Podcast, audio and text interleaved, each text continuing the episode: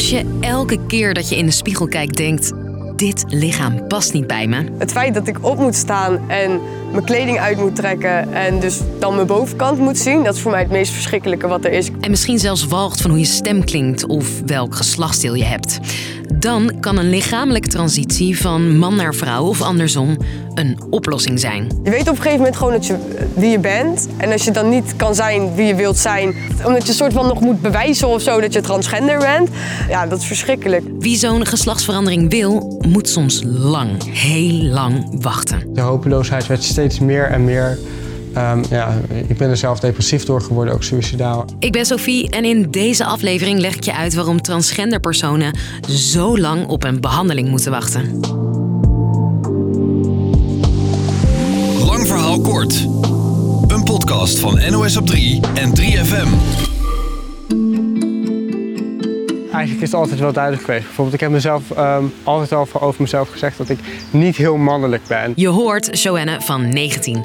Haar geboortegeslacht is man, maar ze identificeert zich als vrouw. Ik zou ook bepaalde chirurgische dingen willen doen.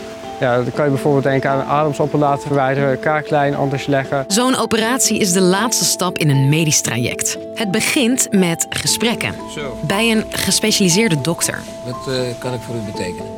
En daarna volgen hormoonbehandelingen. En wie dat wil, kan uiteindelijk voor een operatie kiezen. Maar voor je ook maar een voet in de spreekkamer zet, kom je eerst op de wachtlijst. Dat zegt mijn collega Romy van NOS Stories. Zij deden onderzoek. 700 mensen die zich niet identificeren met het geslacht waarmee ze zijn geboren, vulden hun vragenlijst in. En daaruit blijkt. Het is geen uitzondering als je meer dan drie jaar moet wachten tot überhaupt een eerste gesprek. Nou, de behandeling start vaak ook nog pas maanden later. Hoe komt dat dan? Er zijn steeds meer jongeren die dat traject willen starten. Uh, waarschijnlijk komt dat door zichtbaarheid bijvoorbeeld. Hè. Je ziet, leest en ziet er ook meer over bijvoorbeeld in de media. En er is ook een grote genderzorgaanbieder failliet gegaan. Zorgde ook voor dat mensen langer moesten wachten. Ja, en corona heeft natuurlijk niet meegeholpen. Als je zo ontevreden bent met je eigen lichaam dat je er zelfs van walgt, heeft dat effect op je hele leven. Je gaat er mentaal gewoon een beetje aan onderdoor. Ik heb ook wel momenten gehad dat ik gewoon drie, vier dagen niet douchte. Omdat ik gewoon in paniek raakte op het moment dat ik onder de douche ging staan. Probeer gewoon niet naar beneden te kijken zodat ik het niet zie eigenlijk. Laat staan als je jaren moet wachten op een behandeling. De hopeloosheid werd steeds meer en meer. Um, ja, ik ben er zelf depressief door geworden, ook suicidaal. En ja, wat ik juist, die zorg die ik zo hard nodig had, die leek steeds eigenlijk verder weg. Deze verhalen staan niet op zichzelf. Mensen die op een wachtlijst staan zien soms geen uitweg meer, vertelt Romy. 9 op de 10 zegt: Ik heb eigenlijk zelfmoord overwogen. Uh, 1 op de 3 heeft zelfs één of meerdere pogingen gedaan. Dus dat is echt best wel heftig. Sommige transgender personen wachten niet langer. En toen dacht ik zo van ja, eigenlijk zie ik nog als enige uitweg hieruit om nou, nog proberen zelf medicaties te doen. Anders gaat het denk ik echt niet meer lukken. Dus ze gaan online op zoek naar medicijnen die je normaal gesproken voorgeschreven krijgt van een specialistische arts. Je hebt online allerlei do-it-yourself uh, transitiepagina's waar hele handleidingen staan.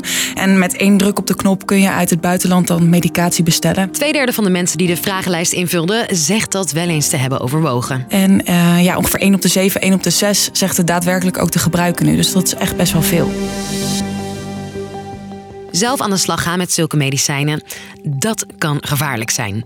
Je hoort een arts van het Radboud UMC. Ik zie in het lijstje ook wel heel veel dingen staan die wij niet eens voorschrijven in Nederland. En waar ik vooral van schrik is waar het allemaal vandaan komt. Thailand, Brazilië, India ik vraag me heel erg af van als je dat bestelt, wat krijg je uiteindelijk in huis? Hè? En ook al weet je wel zeker wat je in huis haalt, zonder begeleiding van een arts houdt niemand het effect in de gaten. De meeste zorgen maak ik me om dat mensen die dat uh, zelfstandig gaan slikken niet de juiste begeleiding krijgen bij wat, wat het met hun psyche doet.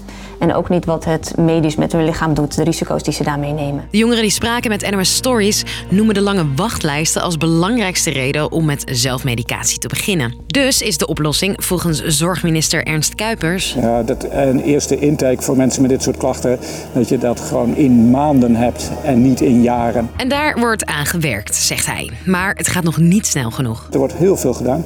Dat heeft er mede toe geleid dat in de afgelopen twaalf maanden bijvoorbeeld de capaciteit voor een eerste hormoonbehandeling met zo'n 50% is gestegen. En nog steeds is dat echt niet genoeg. Maar waar wij naar moeten zoeken is naar meer capaciteit. Dus, lang verhaal kort. Als je lichaam niet past bij je identiteit, kan dat je hele leven beïnvloeden. Sommige transgender personen wachten al zo lang op een behandeling dat ze zelf online hormoonmedicijnen bestellen zonder begeleiding of erger, geen uitweg meer zien en een zelfmoordpoging doen. Volgens velen komen de problemen door de lange wachtlijsten en ook de minister wil die graag inkorten.